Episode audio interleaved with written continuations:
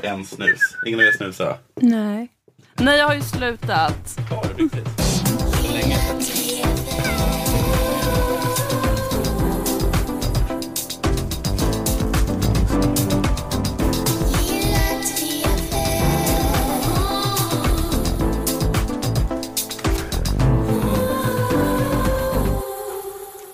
Det här är avsnitt 168 av Lilla Drevet, en samtidskommenterande podcast för Aftonbladet Kultur i samarbete med våra sponsorer Akademikernas A-kassa och fackförbundet Jusek.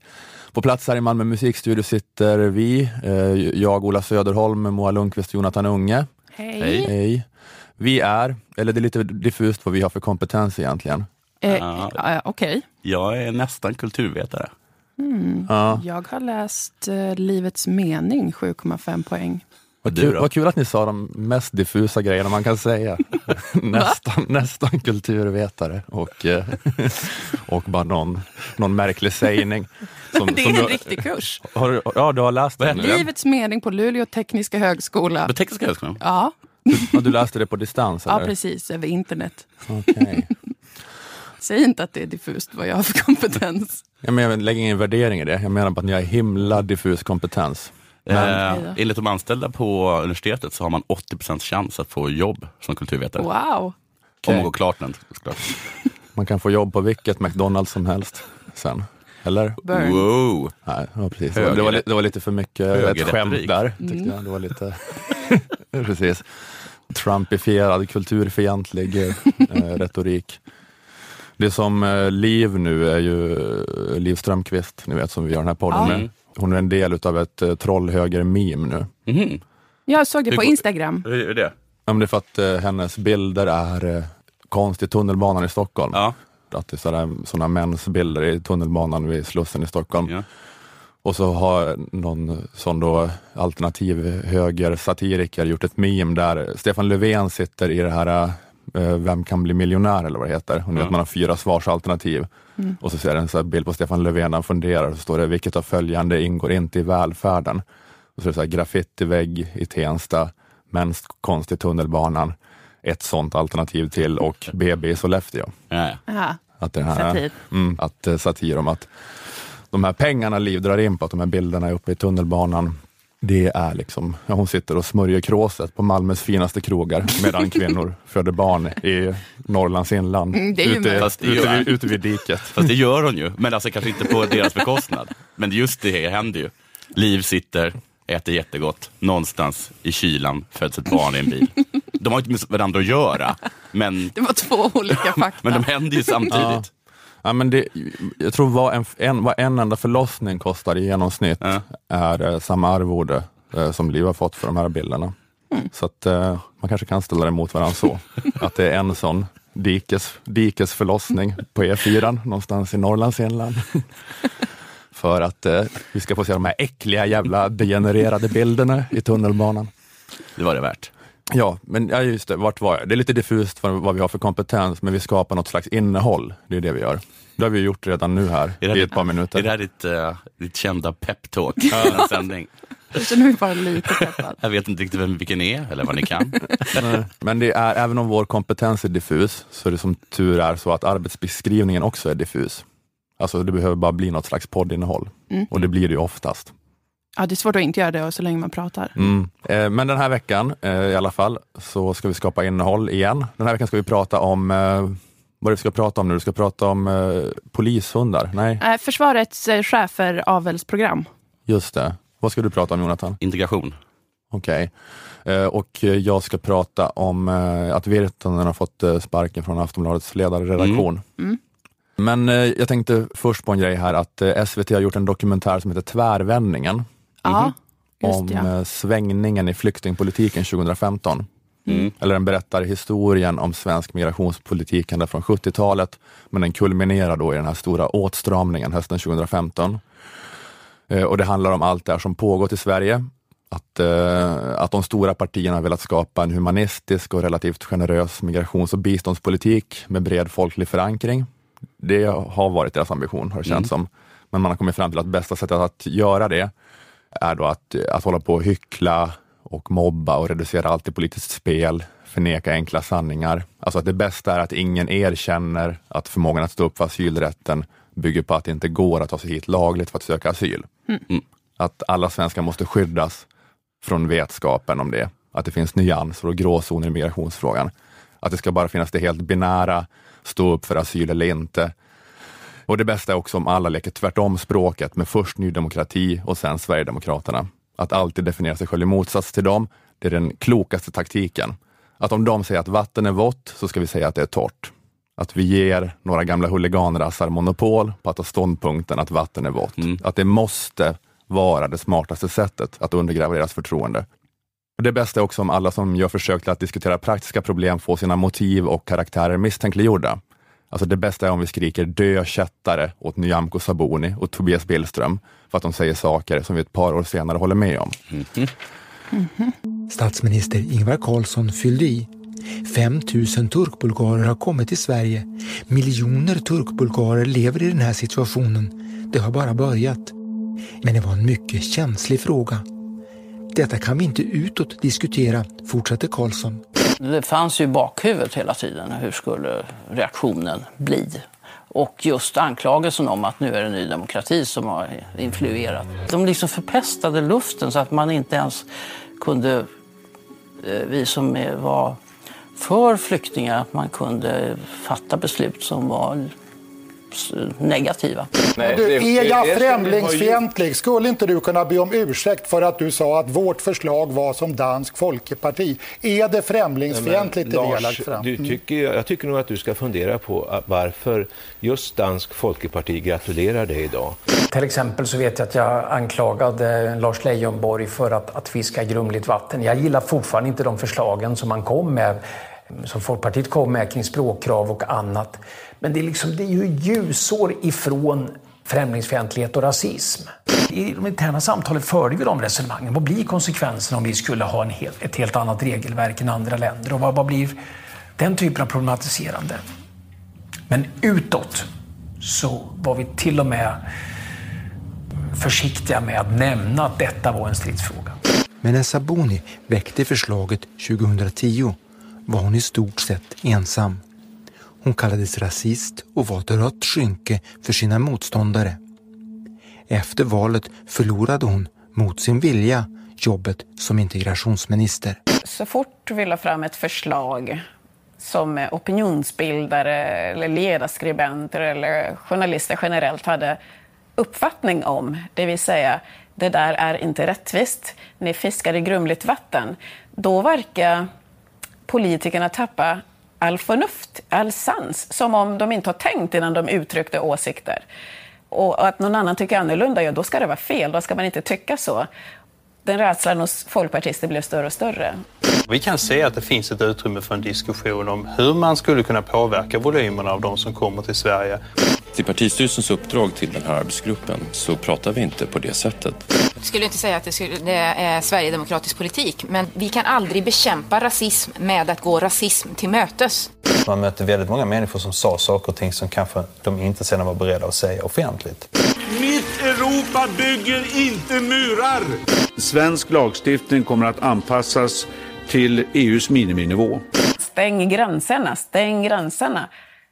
Den tycker jag var skrämmande. Om vi så lätt kan gå från att säga fy på dig som vill prata nivåer till att faktiskt bara snabbt stänga gränser, då inser man att också i en demokrati så är det farligt att inte hantera problem när de uppstår.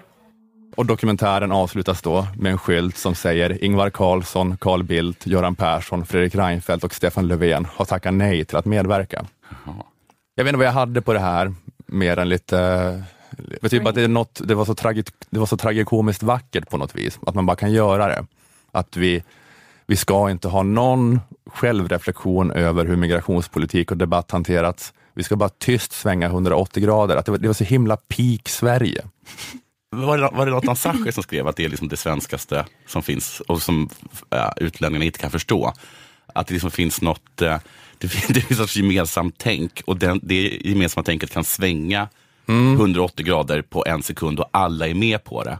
Förutom då de som inte är som vi, som blir jätte förbluffade. Ja, exakt. Att det, är, det, är, det är svårt att man bara, man måste bara förstå det här, att nu pratar vi inte om det här, nu, om det här, nu bara svänger vi. Men det är också ganska coolt.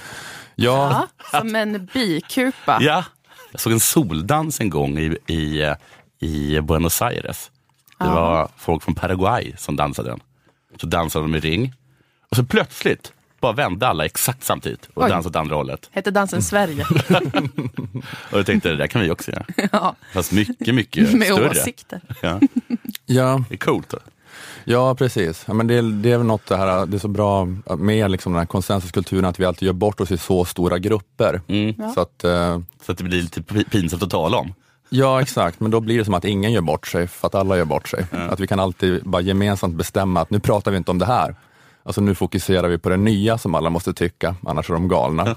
alltså det vi för ett par veckor sedan sa att man var galen om man tyckte. I och för sig, Den här dokumentären har ju gjorts nu. Jag kan tycka att den sabbar renheten i det här, Mm. i den här min peak Sverige-upplevelse lite grann.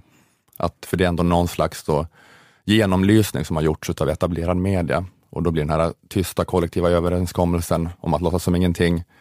Jag vet inte, jag, jag, det hade varit kanske ännu bättre om man inte ens hade gjort den här dokumentären.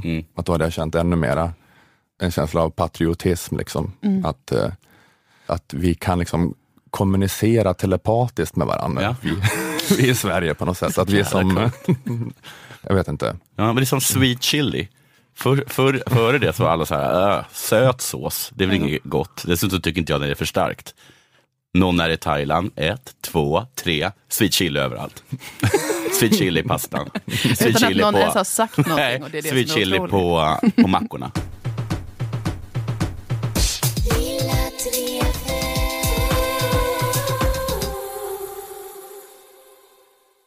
Kaliber i P1 har gjort en granskning av Försvarsmaktens inköp av schäferhundar. Mm.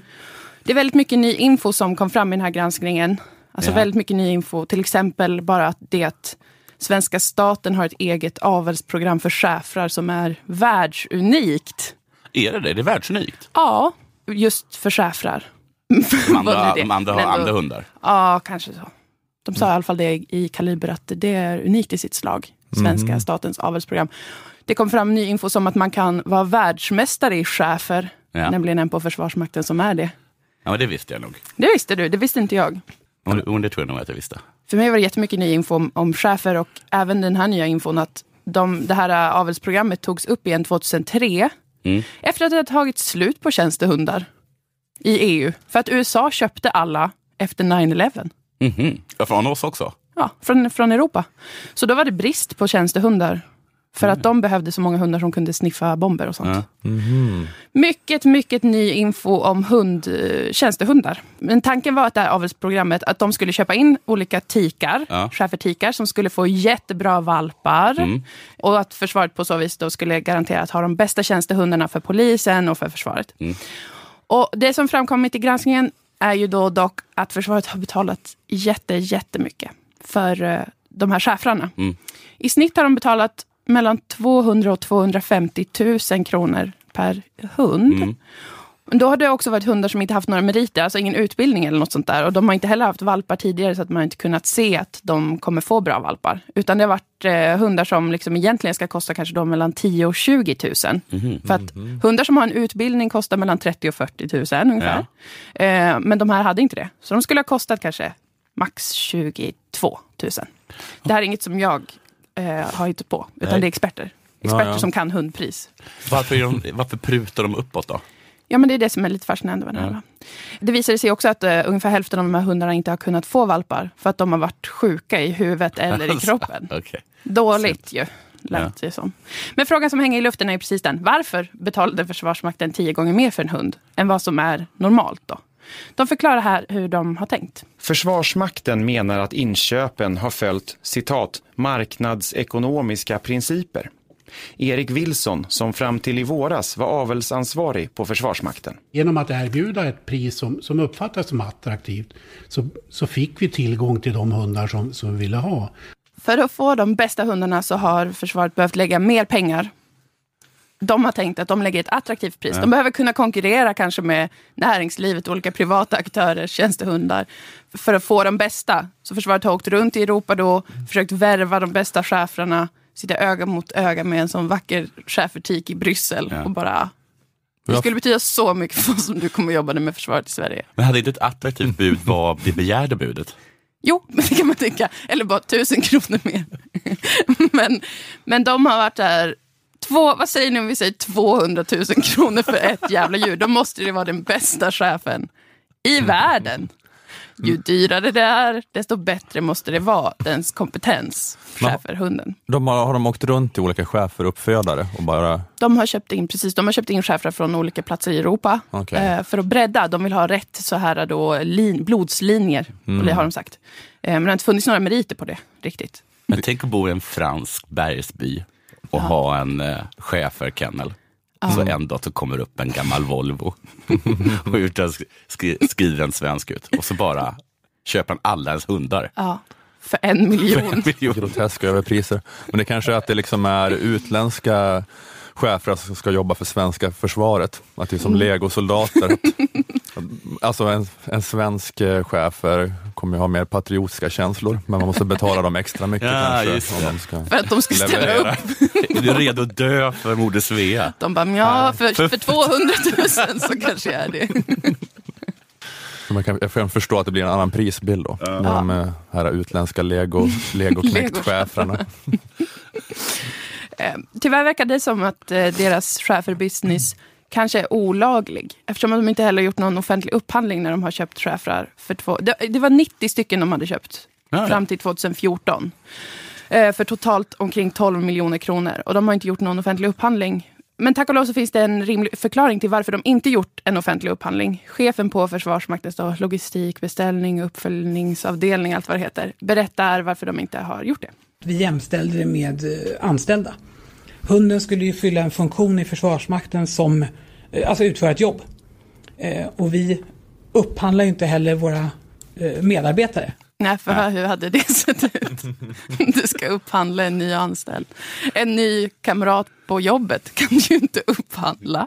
Det är, det låter ju vidrigt. Försvaret är emot att se hundar som något annat än medarbetare. Det är ganska vackert. Ja, det är De är emot vackert. sån specicism, eller vad det heter, artchauvinism. Men ser man inte det ibland så här i USA att man har begravning för en polishund som Jo, de dött i- älskar de älskar verkligen, dem. Det är verkligen Ja. en sån för dem. Ja. Någon borde berätta för dem att det bara är en, en hundjävel. Men det, men det är ett rätt effektivt sätt att guilt-trippa kritikerna då. Att, eh, De blir till och med ledsna när de dör. Ja, ja, men också att man ser dem som eh, jämlika med människor, liksom att man spelar på något sånt sentimentalt eh, Ja, visst, det, man framstår ju som en jävla eh, livshatare om man skulle säga att hundar är bara material Mm. som bara går att upphandla och slänga bort. Nej, för det är levande väsen. Mirakel på jorden. Just de. det. Det är försvarets förklaring till varför de inte upp, gjorde någon offentlig upphandling. Och man, man köper ju, säger jag direkt. De tar in en ny schäfertik och de är bara så här, det här är Janice, hon kommer från London, eh, hon kommer jobba här med oss. Då hade det varit jävligt stelt om de skulle göra en offentlig upphandling på till exempel Janice, eller någon annan av hundarna. Det känns inte normalt. Tyvärr så, även om man köper den förklaringen så eh, är den, den funkar inte. Tyvärr. Alltså om man kan sånt här. Jag kan inte sånt, men det är en som heter Andreas Sundstrand som är docent i offentlig rätt vid Stockholms universitet. Hon avfärdade lite grann kan man säga den här förklaringen. Hon riskerade att framstå som en hundhatare eh, och sa följande om den här eh, ursäkten. Det var det dummaste jag hört i hela mitt liv. Ehm, det här eh, undantaget är helt enkelt inte tillämpligt på avelshundar när det gäller offentliga anställningar. Nej. Det var det dummaste hon hört i hela sitt liv. Det är lite sorgligt. Hundhatande Andrea som tycker att hundar inte är levande medarbetare. Hon tycker att hundar är gem. Hon tycker att Hon hundar är som en post-it. Fy fan vad sorgligt. Hon gör, hon gör kedjor av hundar. Man sätter en hund som får bita en, en svans. Sen annan Andrea är den som framstår i allra sämst dagar i hela den här affären tycker jag.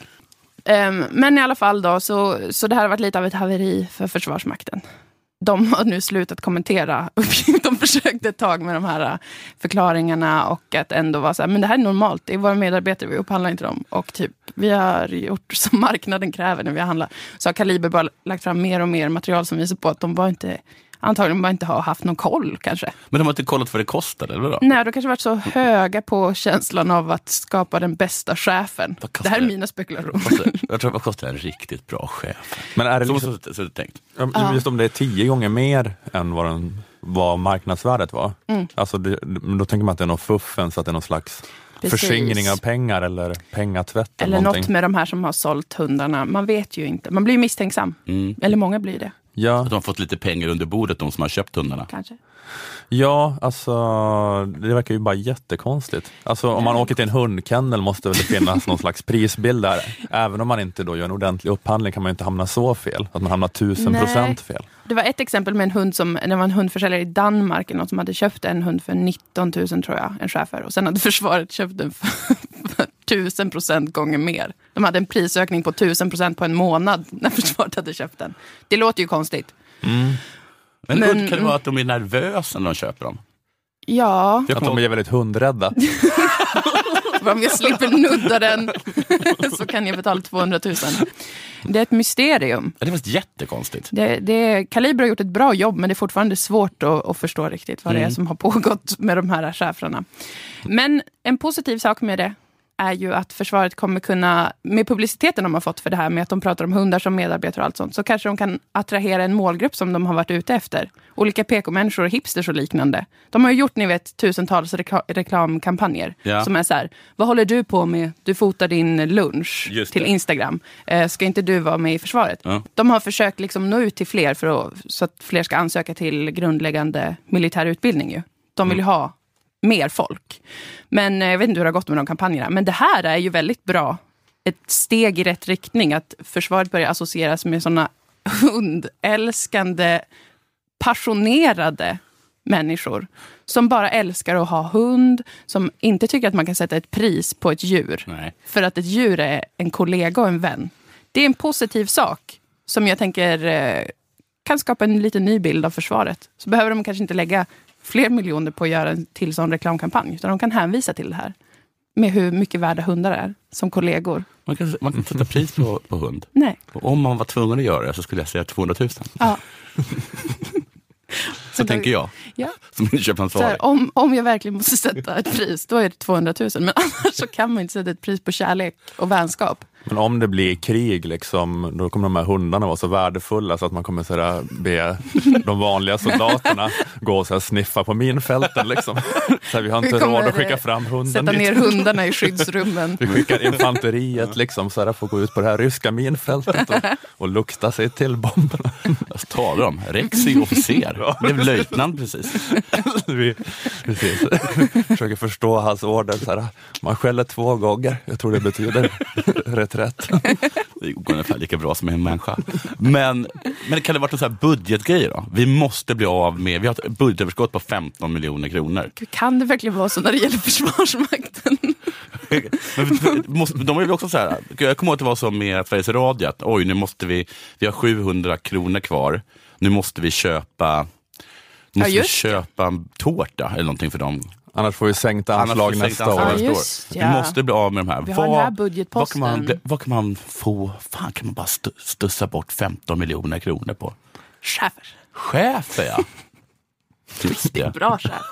Men det är ju konstigt ändå för att eh, ett JAS-plan kostar en miljard. Mm. Eller just att Försvarsmakten har det problemet. Det finns inga dyra grejer i vår verksamhet som vi Nej. kan köpa. Alltså det, man kan ju förstå det kanske med Sveriges Radio då, att nu Ja. har vi, jag vet inte. Ja, men de, måste, ty- de måste ju tyckt att det lät för billigt. Med helt 10 enkelt. 000. Ja. Ja, de bara, det är inte möjligt. Eller 20 000. Så omvandlar det Bara, hur ska jag kunna få en bra chef för kronor. 20 000?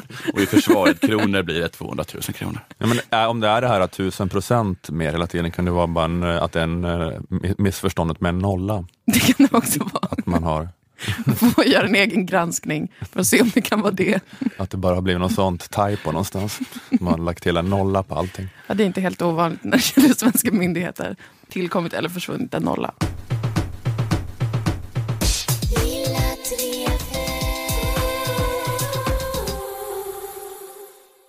Hon är facket.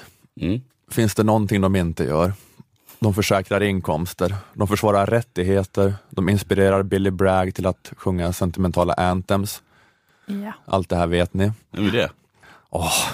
Jonathan. Billy Bragg. There's power in a union. Va? Skitsamma. Är det Joe Hill du tänker på? Ja, han, eh, precis, han, har gjort originalet. Men Billy Bragg, okej. Oj, Nu, jag vann. Nu trillade man, Oh, trillade man ner från sin höga häst. Ja. Nej, men det de gör är då, eh, facket, de skapar ju trygghet för alla anställda. Eh, Men inte bara för de som har så kallad vanlig anställning. Vår sponsor Jusek, som är fackförbundet för er som är eller är på väg att bli ekonomer, jurister, samhällsvetare, kommunikatörer, personalvetare eller systemvetare, är förutom att vara de vanliga anställdas fackförbund också förbundet som har ett eh, specialstöd för egenföretagare och chefer. Cirka 10 procent av Juseks medlemmar är chefer och ungefär 2500 av medlemmarna har eget företag. Många akademiker driver eget företag eller funderar på att börja med det och eh, är då osäkra på vad det skulle innebära. Därför har Jusek tagit fram en tjänst kallad affärsrådgivning. Eh, där kan du alltså via Jusek boka ett samtal med en affärsrådgivare, ställ frågor om affärsutveckling, marknadsföring, försäljning, strategi och affärsmässiga beslut. Eller bara resonera kring möjligheten att starta eget inom ett område du brinner för. Vi är till exempel egenföretagare, så vi skulle kunna ringa Juseks affärsrådgivning och fråga dem om det är en bra idé att lansera Lilla Drevets egna deodorant. Just det. Sånt Hur går det med det där? Jag har inte gjort några fler. Just det, du gjorde en, Jag gjorde som- en som bara. funkade jättedåligt. Ja, man är känslig mot bikarbonat, vilket de flesta är tyvärr.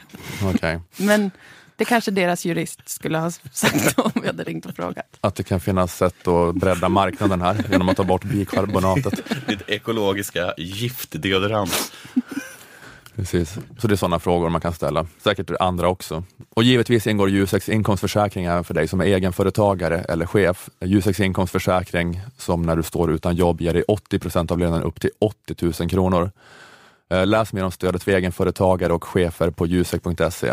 Eh, gå även med i Akademikernas a-kassa, a-kassan för alla som är eller är på väg att bli akademiker, alltså för dig som har 180 poäng eller 120 poäng med det gamla systemet. Medlemskap kostar bara en hundring i månaden och ger dig upp till 20 000 i månaden om du skulle befinna dig mellan jobb. Är du inte akademiker ska du självfallet vara med i a-kassan ändå. På väljaakassa.se finns Akademikernas a-kasseväljare där du kan ta reda på vilken a-kassa som gäller för dig. Att vara med i Akademikernas och Jusek kostar 351 kronor sammanlagt, så du lägger alltså bara till 251 kronor om du redan är a-kassemedlem. Tack till Akademikernas och Jusek. Tackar.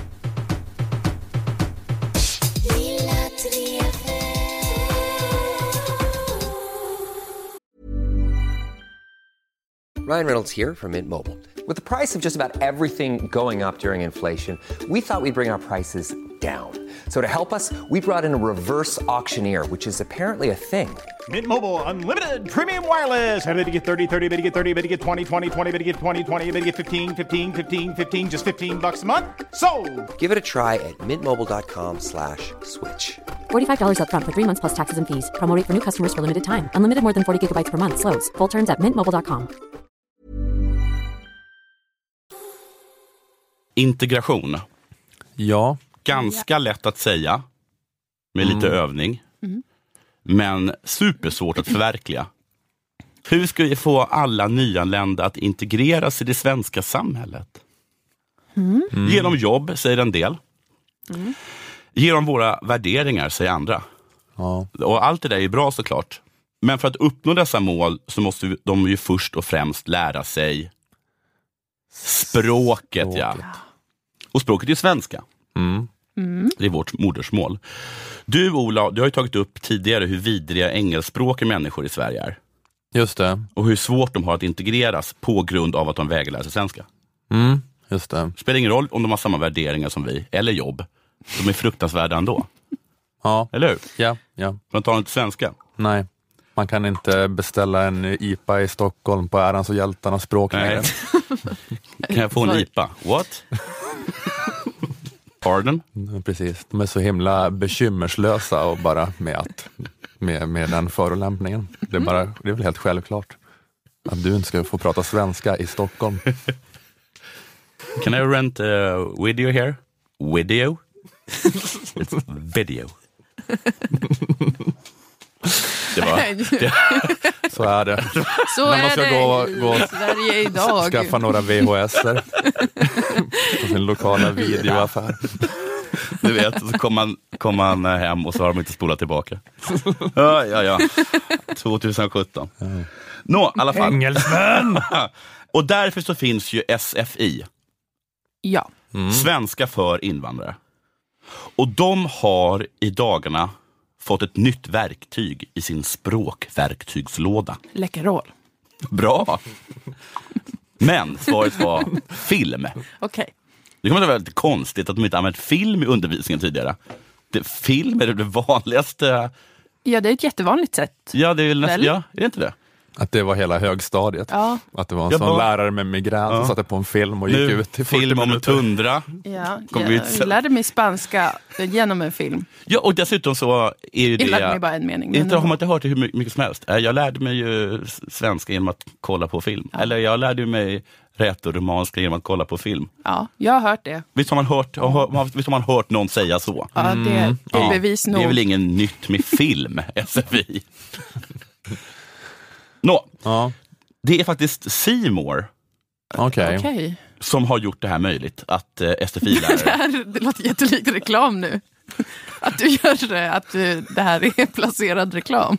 Ja, Det är Seymour som har gjort det här möjligt. det, hjälp, genom det sin- hjälpte ju inte med ditt Läkerol-skämt heller. det, bara, Börja så bara det, hela, det här, hela det här inslaget är bara som reklam som kommer bli fälld för att det är sån dold. Och inte så jättedåligt. Nej. Det- Men det, här, det, det, det är Simon som har nu gjort, har gjort det möjligt att SFI-lärare nu gratis kan använda sig av sex svenska filmer i sin undervisning. Okej. Så förr var alla tvungna, det var därför inte man haft film tidigare, i SFI. För att de har inte råd att visa film. Oj. Och dessa svenska filmer är Mitt liv som hund, Så som i himlen, Sällskapsresan 1, Adam och Eva, Grabben i graven bredvid och Black Jack. Gud. Ja. In for a treat. Håll i hatten syrianer, för nu kommer ni få en käftsmäll av kultur. Precis. Kulturguld. Man har lyckats eh, undkomma någon IS tortyrkammare. Sen ur askan in i elden. Grabben i graven bredvid går ju på repeat på Guantanamo-basen. Ja.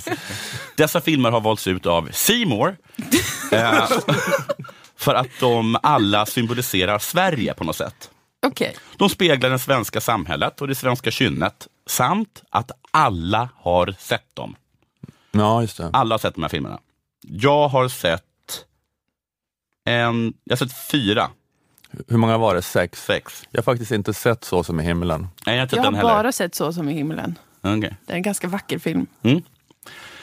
Med sång. Var lite sexig va? Nej, Nej, nej, nej, nej. Den är ganska Nej. mörk. Och, Mm, och inte sexig alls. nej, Det där är väl subjektivt antar jag. det är såklart, men det handlar mycket om... om ja. Men vad, men vilka, ja, vad var de nu? Det var alltså Mitt liv som hund, Så som i himlen, Sällskapsresan, Adam och Eva, Grabben i graven bredvid och Black Jack. ja, Adam och Eva barnfilmen. Nej, det kan jag inte tänka mig. Nej, Utan för jag jag har sett att det den är... för ungdomar. Ja, de eller farliga människor. Mm. Just det, Det ja, men då har jag jag nog sett alla faktiskt utom eh, Så som i himlen. Mm. Snyggt där. Cineasten. Och det som gör de här filmerna till så användbara bara studiematerial är enligt Seymours VD Manfred Aronsson detta. Och det är tacksamt tror jag att för läraren använda till exempel vissa scener och eh, diskutera med sina elever om varför man i sällskapsresan sitter och dricker alkohol på toaletten och sådär. Så att, Man lär sig språk, men också kultur. Varför sitter man och dricker ensam? Varför gör man det? Jag har inte sett Sällskapsresan. Jag, jag har nog fan inte heller sett Sällskapsresan, Har jag tänker inte? efter. Nej, Eller kanske när jag var nio eller något sånt där, så jag minns den inte riktigt. Ja. Jag blir nyfiken. Man kan diskutera hur många här blev kåta av Frida Hallgren när hon hade sex, om hon hade det, versus Thomas från Brömsen. Och varför blev ni det? Mm. Visste ni att det är samma regissör som gjort Med mitt nytt liv som hund som också gjort Choklad? Nej. Och hur känner ni inför det? Wow. Hur många uppföljare tror ni Sällskapsresan fick? Svar, fel. Det var jättemånga. Mm. Sånt kan man sitta och tala om.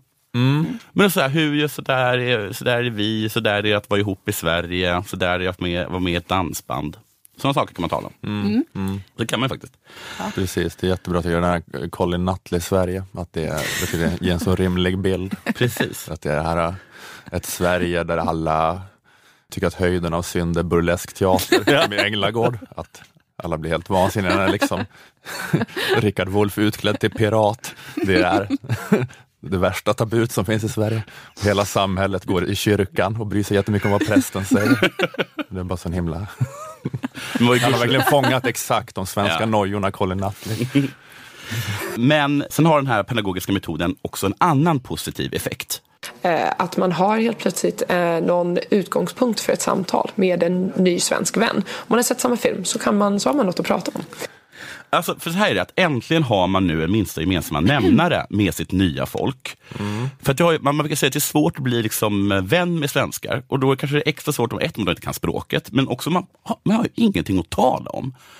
För jag kanske, kanske kommer från krigets Syrien och han är kanske på väg till Coop. Var ska vi mötas någonstans? Men nu kan man gå fram till vilken svensk och säga, oj oj oj, vad dålig den var den där grabben i graven bredvid.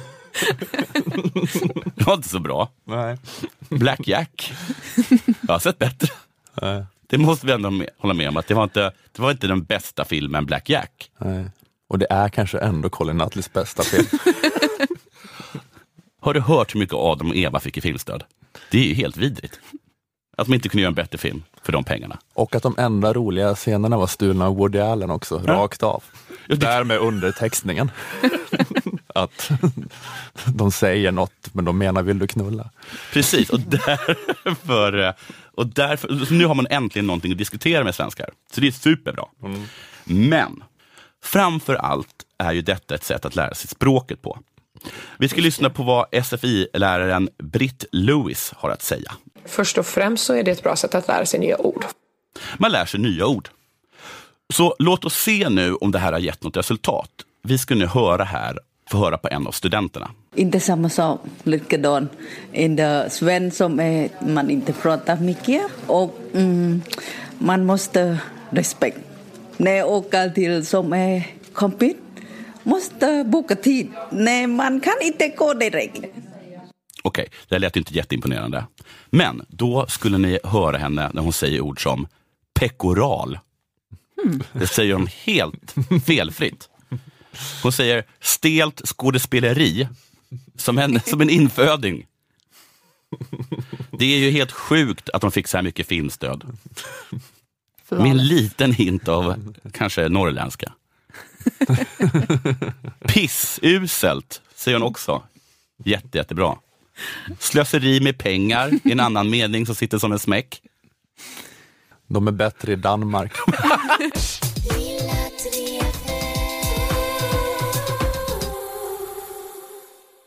Okej, vi, vi ger oss in lite grann i det här hashtag metoo då. Ja. Det är, jag såg bara en rubrik eh, från någon Aftonbladet-artikel, någonting som var ännu en TV4-profil pekas ut som mobbare. Okej. Och jag bara, ja okej, är, det, är det så? Eller vad handlar hela den här grejen om nu? alltså det är granskningar och outande av sexuella övergrepp, men är det mobbning nu också? Får man inte vara lite mobbig längre? Heller, Får utan, man inte mobba en kvinna lite längre? ja, utan att det ska tas offentligt. Jag menar bara, när ska man sätta ner foten här? Att när de kom för att hämta sextrakasserarna sa jag ingenting. för jag var inte sextrakasserare. När de kom för att hämta mobbarna sa jag ingenting, för jag var väl inte direkt mobbare. Men, men liksom vad, vad hände sen? Var slutade? Sen kom de för folk som bara säger lite roliga grejer ibland på andra Ja. människors bekostnad. Som blir sura på att man inte har plockat ut ur diskmaskinen på jobbet. Just det. Precis, och då fanns det ingen kvar som kunde stoppa en. De sa att det kommer, de kommer för oss som varit lite korta i tonen. Jag såg, det att, bli en sån.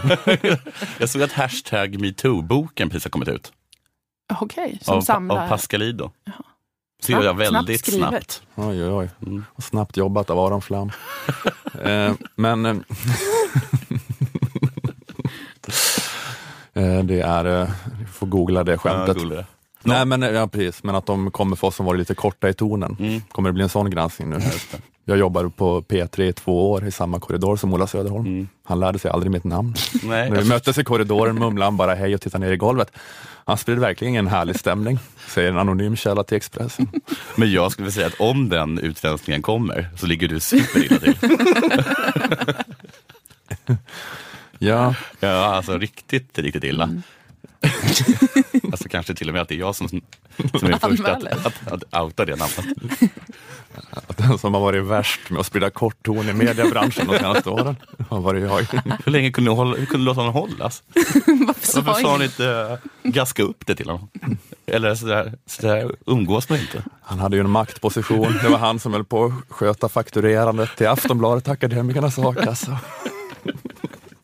Det är liksom, man normaliserar saker som inte ska vara normalt. Menar du att han inledde varenda program med ja det här kommer inte bli så bra? Kunde ni leva med det?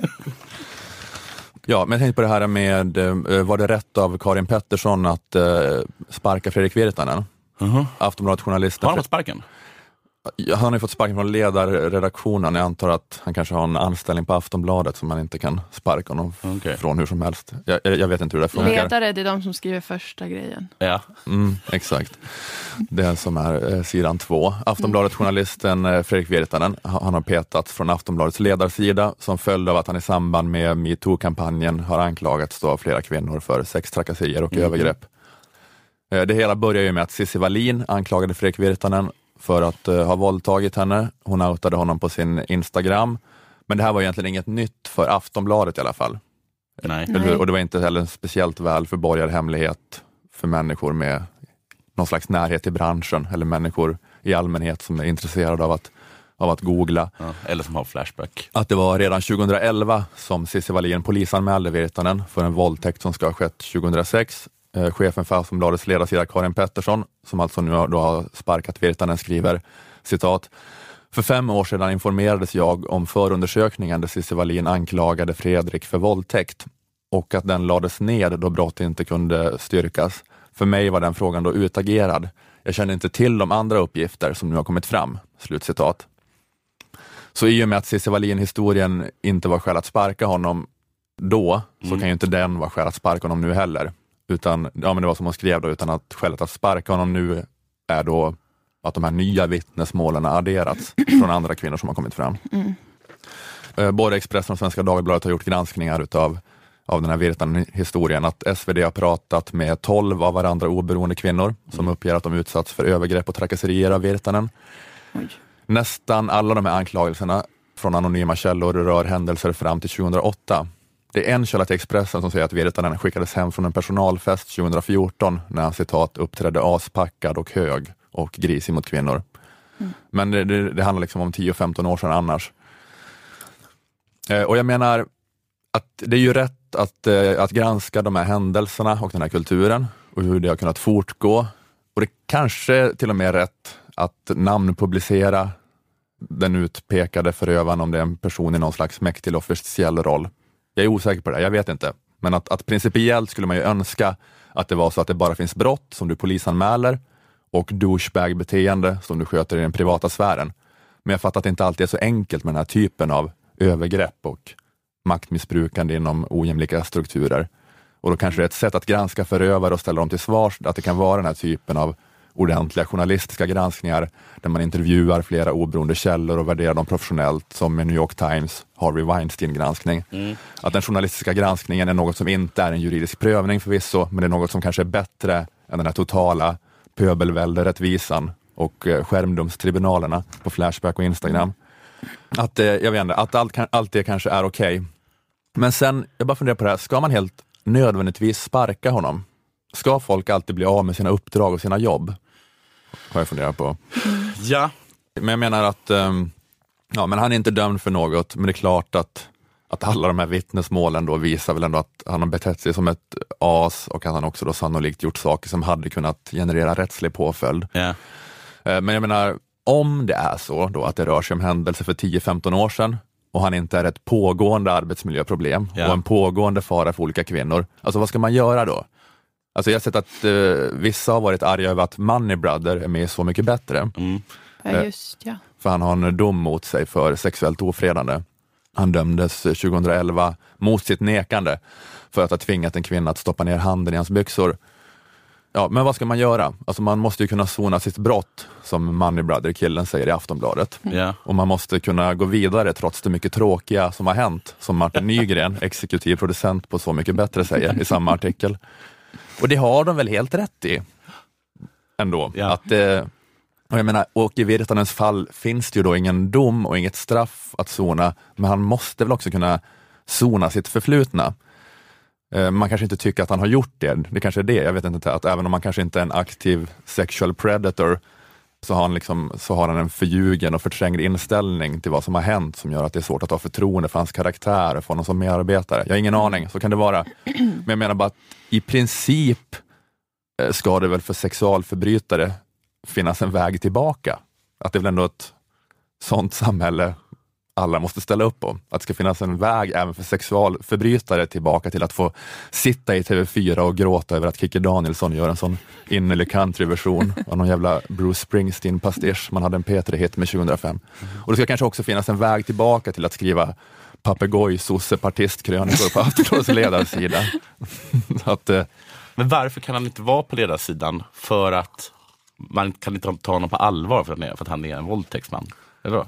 Det, jag menar, det kanske också bara är så praktiskt omöjligt nu på grund av sociala medier-mobben, att den är så stark att, att det bara att det är så bortom nästan då rätt och fel, att det, bara, det är praktiskt omöjligt. Men det kanske inte borde vara så. Nej, men jag menar bara eh, vad, vad man ska ha för syn på det här med sexualbrott. För alltså, det, det är något så paradoxalt med det här, för att metoo-kampanjen handlar ju till stor del om att det inte har tagits på allvar, övergrepp som kvinnor har utsatts för Mm att saker som har varit övergrepp eh, inte har kallats vid sitt rätta namn. Och det är ju sant då att massa sexuella övergrepp och våldtäkter har ignorerats och tystats ner och förträngts. Eh, Men samtidigt, alltså som vi inte tar det på allvar med sexuella övergrepp, så tar vi det också på extremt stort allvar. Och att det, alltså det nästan kan kännas lite grann som två sidor av samma mynt på något paradoxalt sätt. Att, att när vi väl har bestämt att någon är sexualförbrytare, att någon är en våldtäktsman, när vi har satt den etiketten på någon, då är ju vår reaktion gammaltestamentlig. Då är du en paria som ska fördrivas till de spetälskas dal och aldrig återvända.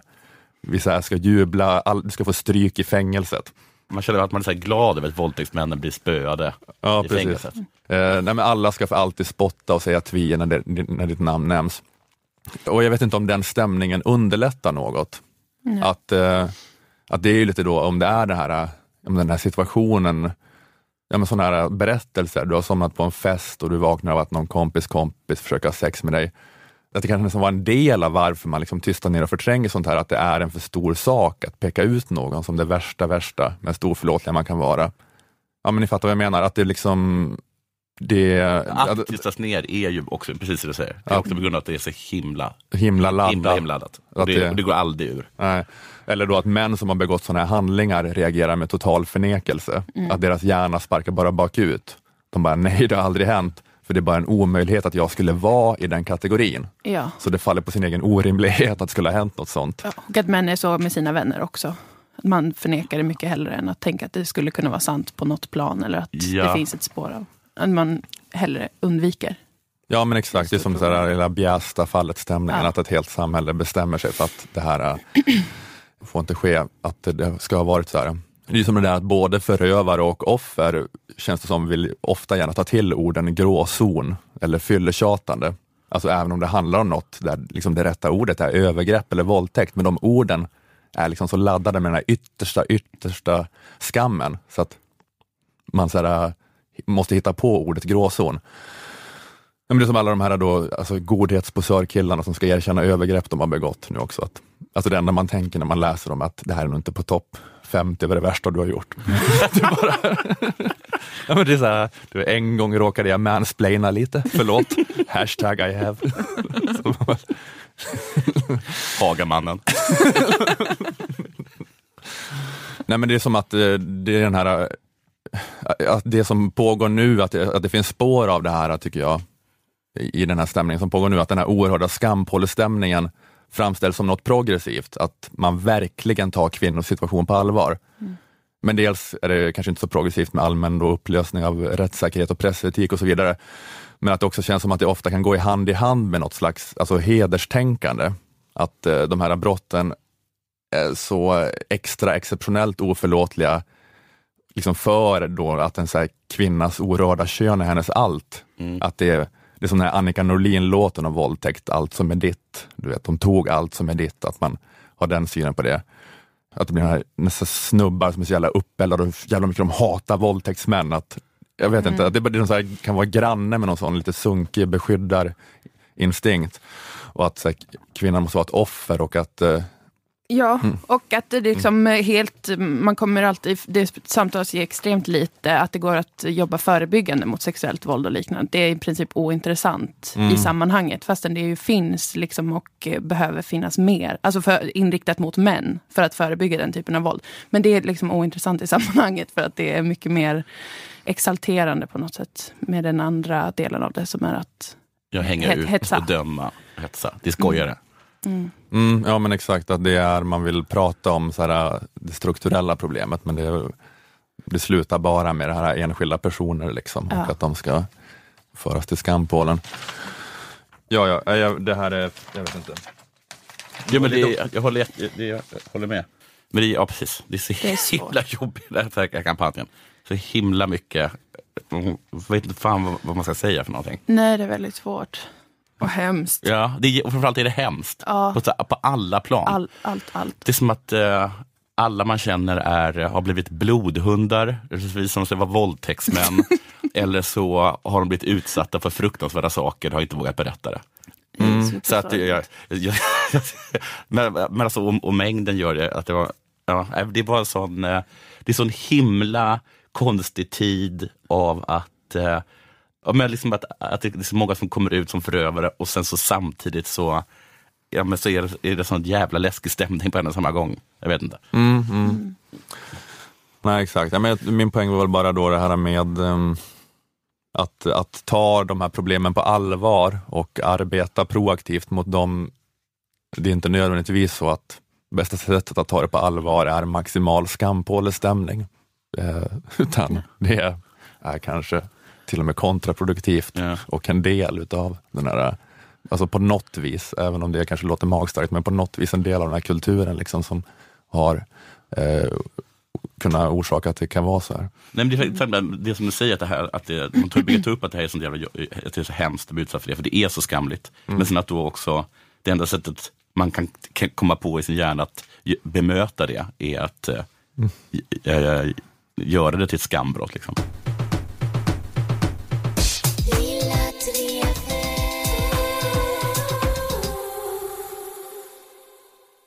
Jag kan flagga för min turné, olasöderholm.se finns det biljetter. Eh, snart eh, slutsålt de sista föreställningarna i Stockholm och Göteborg och Uppsala är också en extra föreställning som är rätt såld tror jag och kommer till Linköping och Gävle och lite olika sådana städer. Fåtal kvar i Malmö också bara. Ja, ja, olasöderholm.se, gå in där och få en bättre överblick istället för att jag bara rabblar osammanhängande här. Just det, det är en grej som är tillagd till min turné också och det är, eh, det är, är ett gig i Växjö nu på fredag, eh, 3 november. Det är, det är inte en del utav eh, turnén då, men det är någon slags, eh, jag och Johannes Finnlaugsson gör någon slags eh, generalrepetition, testshow, uppvärmning inför turnén. Och gå in på Café Deluxe hemsida så kan ni hitta biljetter till det. Du har en livepodd snart. Ja, jag och Dilan spelar in livepodd på Henriksberg, ståuppklubben. Mm. Imorgon, fredag Mm. den 3 november. Alltså nu säger jag det som att Ja, det är torsdag, smart. för den här podden kommer ut på torsdag. Snyggt. Jag såg att ni blev förvirrade, ni visste inte vad som hände. För mycket radioprofessionalitet. Oh yeah, Jag ska ta det ganska lugnt i helgen. skönt. Men vi säger tack till eh, Aftonbladet Kultur, Akademikernas A-kassa och fackförbundet Jusek. Tack till Malmö musikstudio där vi spelade in. Jag heter Ola Söderholm, ni heter Jonathan Unge och Moa Lundqvist. Vi hörs om en vecka. Hej då! Hej då! Okej, ska ni vara med på en? Ja.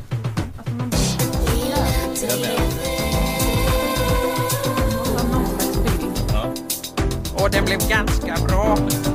Ja, det svarar jag. Så extremt bra vi får på för tiden. Mycket sätt du ska säga. Ja, idag Ja, så kommer det vara. Mm. Dvärgarna kan gå in. Vi kommer inte vara, det kallas småväxt. Herregud ju. Vi ska inte göra en cirkus.